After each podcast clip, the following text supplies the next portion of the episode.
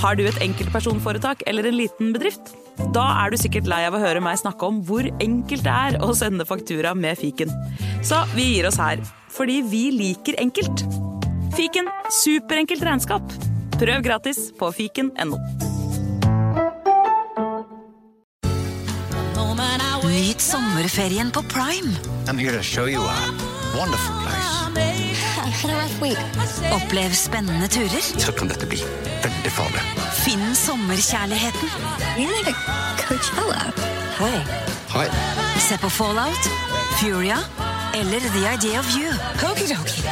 Og gjør deg klar for en sommer full av eventyr. Bare på Prime. Krever abonnement på Prime Video.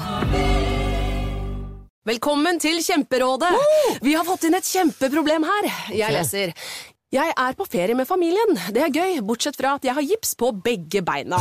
Kan ikke bade eller dra noe sted. Jeg føler meg veldig begrenset. Hilsen begrenset far. Begrenset far trenger ubegrensethet. Yes. Ja, Kanskje ubegrenset data fra 399 med familierabatt hos Telenor? Ja, det løser jo alt! Bortsett fra det med badingen, da. Se nye mobilabonnement på telenor.no. Yes! Advarsel. I denne podkasten vil du høre historier basert på informasjon programlederne har funnet selv. Programlederne står ikke nødvendigvis inne for meninger og syn som fremstilles. Noen påstander kan avvike fra virkeligheten.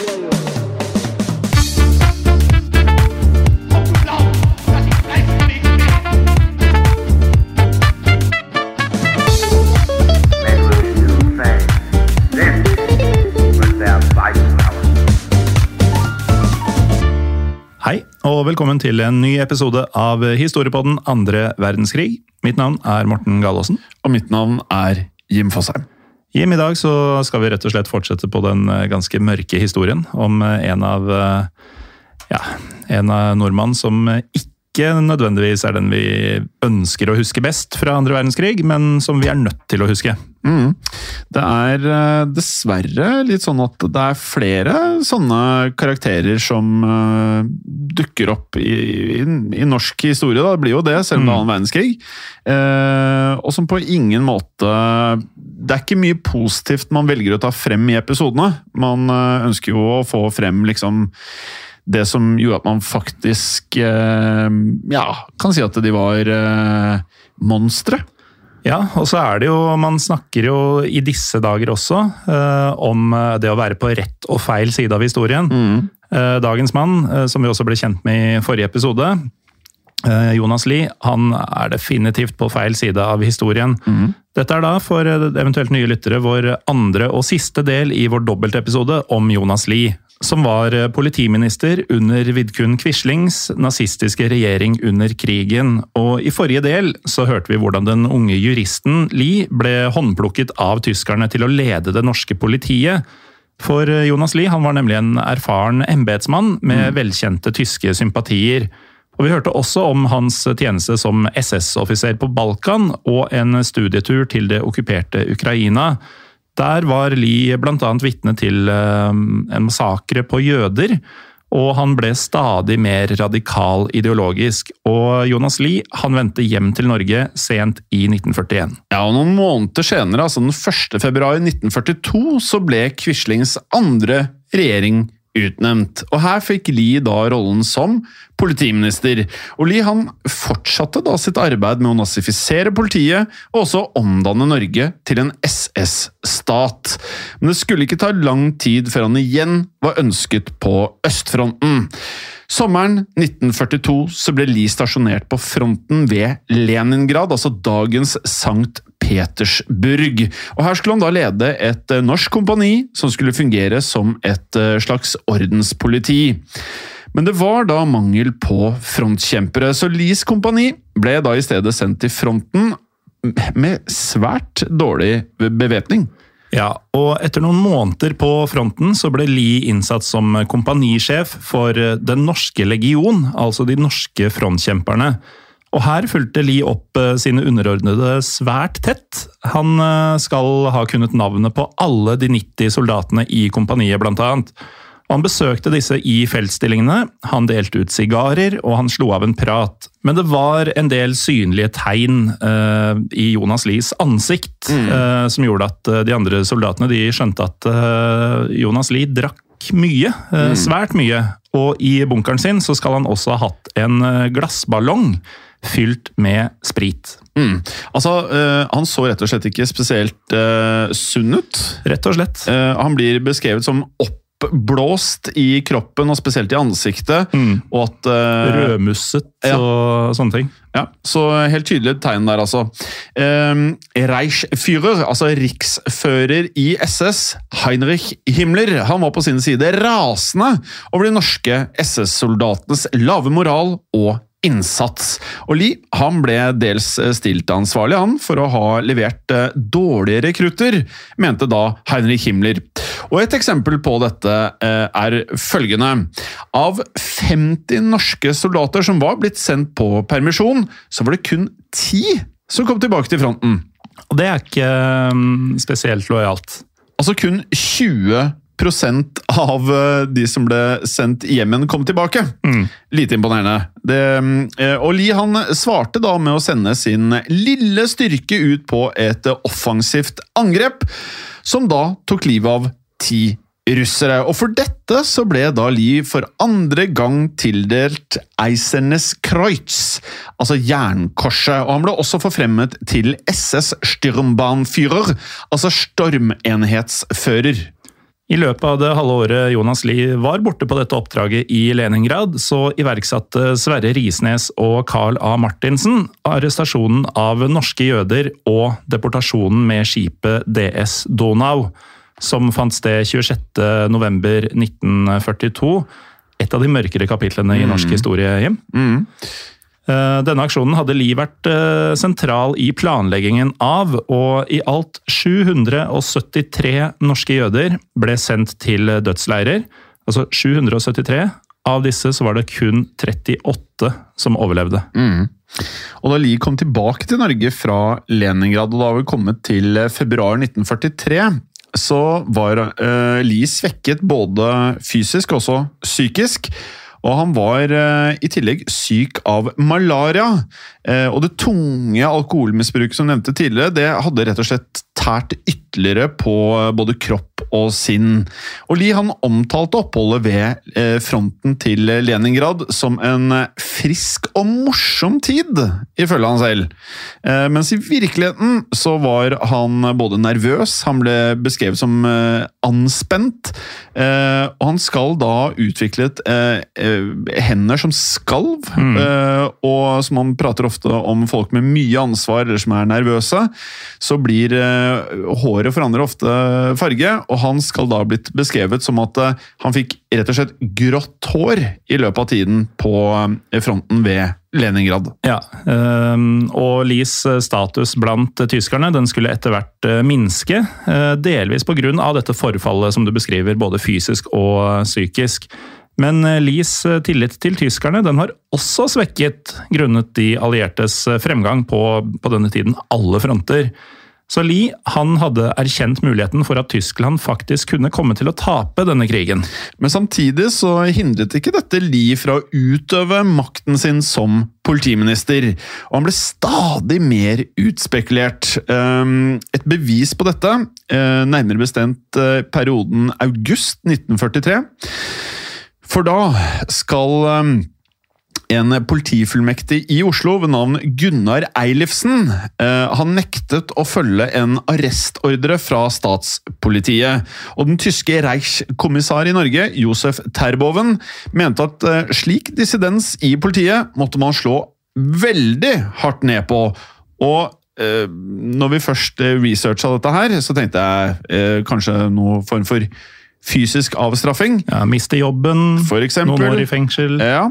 Eh, kanskje man fikk isolat, men her var det kun dødsstraff som var godt nok. Eh, men det fantes da ikke lovhjemmel for å idømme Eilifsen eh, noen form for eh, dødsstraff. Nei, og derfor er jo det som eh, skulle skje videre svært kontroversielt. For etter Terboven og Lies ønske, så ble Eilifsen likevel henrettet ved skyting. Deretter så sørga Jonas Lie og Risnes for å lage en ny lov som ga hjemmel for henrettelsen med tilbakevirkende kraft. Og Risnes var jo på denne tida, som vi hørte i forrige episode, justisminister. Ja, og her, eh, bare for å liksom eh, sette det litt i kontekst um, Lie, altså en nordmann, han velger da å gå ut av sin vei for å klare å gjennomføre det Terboven ønsker. Ja. Ved å henrette Eilefsen, og også da endre lovgivningen for å gjøre dette enklere i tiden fremover. Ja, og så nevnte jeg noe tilbakevirkende kraft. Ja. Altså I det så ligger det at eh, loven, selv om den ikke fantes da det Eilifsen gjorde skjedde, så er den gyldig. Mm. Det vil si at det som da ikke var eh, nødvendigvis en kriminell handling, mm. har blitt det i ettertid, og siden du gjorde det før, så kan du da idømmes dette. Så det er jo, som du sa, utspekulert så det holder dette her. Eh, Loven ble undertegna av Quisling tre dager etter det som da egentlig var det ulovlige drapet på Eilifsen. Og Jonas Lies rolle i denne saken vakte spesielt oppsikt, fordi eh, Eilifsen var en gammel kollega og venn av Jonas Lie fra Jonas Lies tidlige politikarriere. Dette er mm, mørkt. Det er eh, mørkt. Ja. Og på samme tid så satte Lie i gang Aksjon Polarkreis. Altså Aksjon Polar Sirkel. Helt riktig. Og formålet ved eh, Aksjon Polarkreis eh, var å skremme Rett og slett skremme det norske politiet til lojalitet. Eh, og omkring 700 politimenn fra hele landet, altså fra hele Norge, ble arrestert og satt under tysk vakt. Eh, 300 ble sendt til konsentrasjonsleiren, faktisk, Stutthof i eh, Polen, og omtrent like mange til Grini. Og Grini, Morten, det, det var en fangeleir i Norge. Ikke bare en fangeleir, det var den største tyske fangeleiren i Norge eh, under okkupasjonen eh, på den tid. Ligger i, i Bærum, ikke langt fra der vi sitter nå. Eh, I dag er det et museum, så det går faktisk an å se eh, relativt autentisk hvordan Grini var eh, den gang. Mm. De fleste ble jo da etter hvert eh, frigitt, Morten, men skaden var nå allerede skjedd for Lie. For eh, denne aksjonen var jo ment for å da gjøre politiet mer lojale til Lie. Men eh, etter dette så stupte heller rekrutteringen til politiet, og Jonas Lie mistet mye respekt selv blant norske nazister. Og han ble nå sett på som lojal til Terboven og tyskerne, mer enn som en patriot. Ja, og høsten 1944 så ble Jonas Lie nok en gang sendt på oppdrag fra Terboven, denne gangen til Nord-Norge. Og her skulle Lie være Norges eh, styresmann for tvangsevakueringen og nedbrenninga av Finnmark og Nord-Troms. Men da tyskerne trakk seg tilbake og brukte den velkjente brente jords taktikk, eh, som vi har nevnt i mange episoder av både eh, historie på den andre verdenskrig og vanlig historie på den hjem, um, så havnet Lie i konflikt med tyske offiserer. For Lie han ønska nemlig å verne norsk eiendom og kulturlandskap fra disse ødeleggelsene som denne taktikken bringer med seg. Og da Lie prøvde å få lokalbefolkninga til å evakuere frivillig, så skal han ikke ha blitt tatt på alvor. Delvis fordi han til stadighet, og dette har vi da kommet tilbake til flere ganger i dag, at han rett og slett var full. Mm, han var det, men uh, Lie han eh, benyttet uh, denne anledningen til å drive rasepolitikk, han, Uh, rettet mot samene, særlig sjøsamene. Men Lies eh, veldig negative syn på samene var på kollisjonskurs med Himmlers oppfatning av denne folkegruppen, som da Himmler ønsket å bevare som såkalt raseren. Lie kom tilbake til Oslo 27. november og fremmet før jul 1944 et forslag rettet mot tatere og romfolk. Eh, Og Lie han eh, ønsket å tvangssterilisere eh, både tatere og romfolk, og bygge en egen leir for nettopp disse i Norge. Eh, Og heldigvis så ble ikke disse planene iverksatt, siden de kom veldig sent ut i krigen. Ja, både de tyske okkupantene og de norske nazistene var i ferd med å innse at krigen var tapt, og de allierte de vant stadig mer terreng, og frigjøringa av Norge nærma seg med stormskritt. Når vi er tilbake etter en kort pause, så skal vi få høre hva Jonas Lie foretok seg da han skjønte at slaget var tapt. Velkommen tilbake. Før pausen så hørte vi at det norske naziregimet raknet ettersom tyskerne ble beseiret av allierte styrker. Men politiminister Jonas Lie ville ikke overgi seg uten videre. I maidagene 1945 så forskanset Lie seg med våpen på Skallum gård i Bærum, og her var han ikke alene. Også mm, Sverre Risnes og statspolitiets nye leder Henrik Rogstad var til stede. Gården var omringet av motstandsmenn, og det var lite håp å spore for uh, Li, Risnes og Rogstad. Ja, og sammen da med Risnes og Rogstad så inngikk Li en eh, selvmordspakt. For i denne selvmordspakten så sto det da at eh, de foretrekker å ta sine liv som frie menn. Men det vi kan si da, Morten, at eh, de handlet ikke på denne pakten. Nei.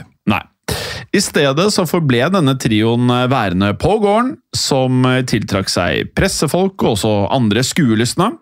Slik at hvis vi spoler tiden litt grann frem, nærmere bestemt til 10. mai 1945, så ble eh, Lie til og med intervjuet av en journalist. Og dette er jo spennende spesielt i seg selv, fordi som du sier, det er 10. mai 1945. Eh, Norge har vært fritt i to dager nå. Mm, det er helt riktig, og det skaper jo naturlig nok en veldig eh, spesiell situasjon for Lier. Mm. Eh, og han hevdet da i dette intervjuet med eh, denne journalisten at jødene og bolsjevikene hadde overtatt hele Europa.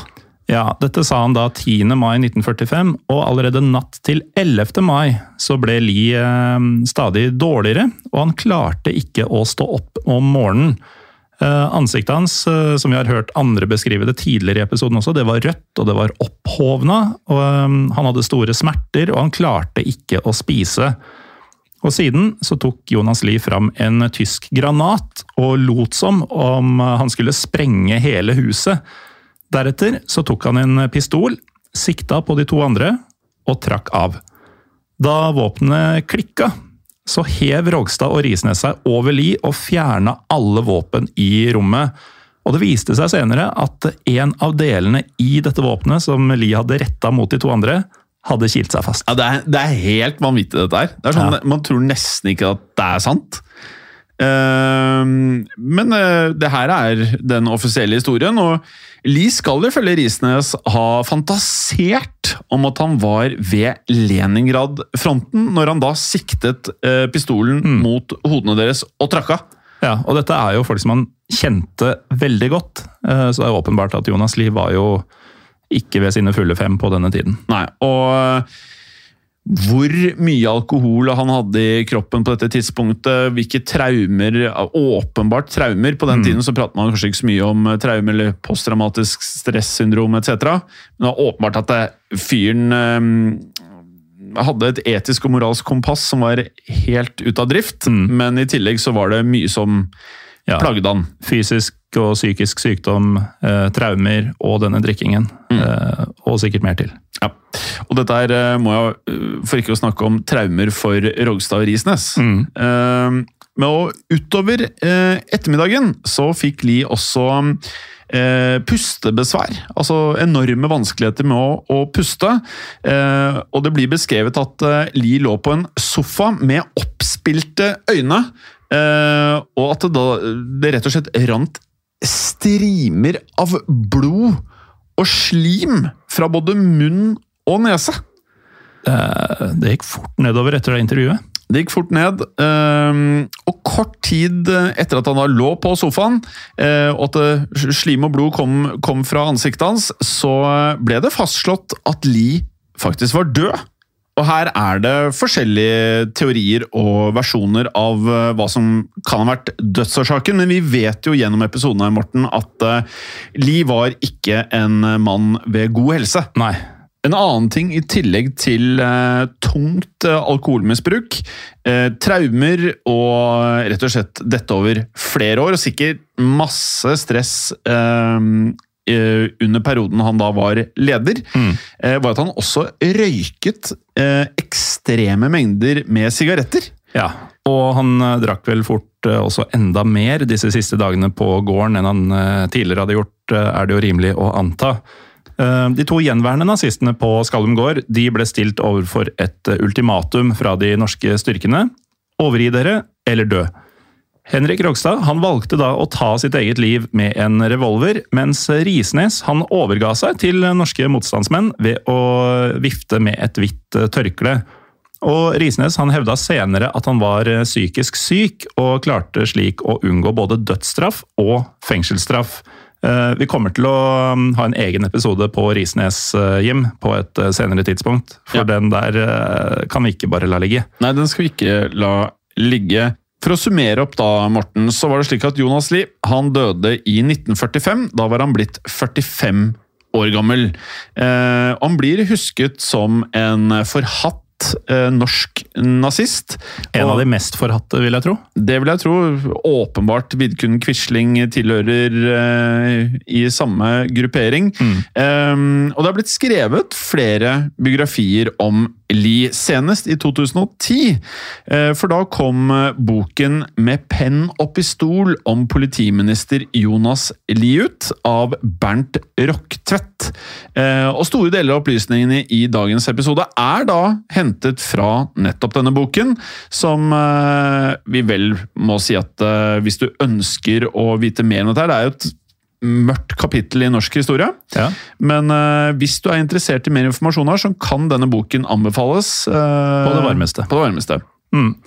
Og det var det vi hadde om uh, politiminister Jonas Lie. Um, I tillegg til historie på den andre verdenskrigen, så har vi vanlig historie på den. Det har vi. For dem som ønsker mer av eh, oss to Ja. og vår historiefortelling. Ja, eh, og vi nærmer oss jo da 1000 ratinger på Spotify. Vi er 952 ratinger. Vi er 4,9 av 5 stjerner. Oi. Som er veldig ålreit. Ja, det er veldig høyt. Ja, eh, og vi nevnte jo i vår andre podkast, altså Historiepodden, så nevnte vi at eh, For noen ganger så prater vi Vi, vi, vi tar jo disse podkastene etter hverandre. Ja.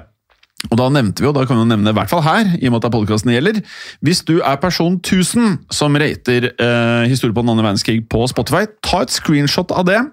Eh, send det gjerne til oss eh, som DM på Instagram, der vi heter His- Historie på Norge. Det gjør vi også på Facebook. Mm. Og så kan du gjerne skrive at det var deg som var nummer 1000. Vi vet ikke hva du skal få av oss, men Nei. vi skriver deg en eh, Ja, vi kommer til å nevne deg i eh, episoden etter du rater oss. Ja. Til sist så har vi også en Facebook-gruppe som heter Historie for alle. Eh, Der eh, må du gjerne bli med hvis du ønsker å diskutere historiske ting, dele historiske ting, eh, komme med tilbakemeldinger på episoder, forslag til nye episoder osv. Begynner å bli et ganske stort samfunn, Jim. Ja, vi maste jo på at folk skulle bli med helt opp til 5000 medlemmer. Nå er jo det bikket, så nå skal vi opp på 6000 medlemmer. Ja. Eh, og så eh, Aldri vær forlegen. Del alt av anbefalinger til bøker, filmer, historier, eh, tips til ting vi burde vite om. Eh, og skriv gjerne tekster til bildene, Wikipedia-linker, det dere måtte ønske å dele i Historie for alle. Ja. Og med det så mm, må vi dessverre kunne si at eh, det har skjedd. Og det kan skje igjen. Ha det. Ha det bra. Historiepodden ønsker å takke følgende. Dere som hjelper oss som sitter i produksjonen. Dere som hjelper oss som sitter i redaksjonen, inkludert eh, tekstforfattere. Det er helt riktig. Og dere som sitter på marked, som faktisk da gir oss muligheten til å drive med Historiepodden. Og selvfølgelig alle dere som hører på. Tusen takk. Moderne media. Et godt råd fra Apotek 1. For noen pollenallergikere er sesongen allerede i gang, og mange vil kjenne på nysing, rennende nese og kløende øyne. Er du plaget av allergi, har Apotek 1 tabletter, nesesprayer og øyedråper som kan hjelpe. Skyll øyne og nese med saltvann regelmessig, og skal du ha vinduet åpent, bør du dekke det med et pollennett. Kom innom og få råd på ditt nærmeste Apotek 1, eller chat med oss på apotek1.no. Apotek 1 vår kunnskap, din trygghet. Hei, Morten. Hei, Hjem. Og hei til deg som eh, hører på. I eh, dag så har vi en eh, stor overraskelse til dere alle sammen. Det har vi, for vi har bestemt oss for å gi dere som hører på en liten smakebit på hva man får med abonnement i Untold. Det er helt riktig, men hva er Untold, Morten?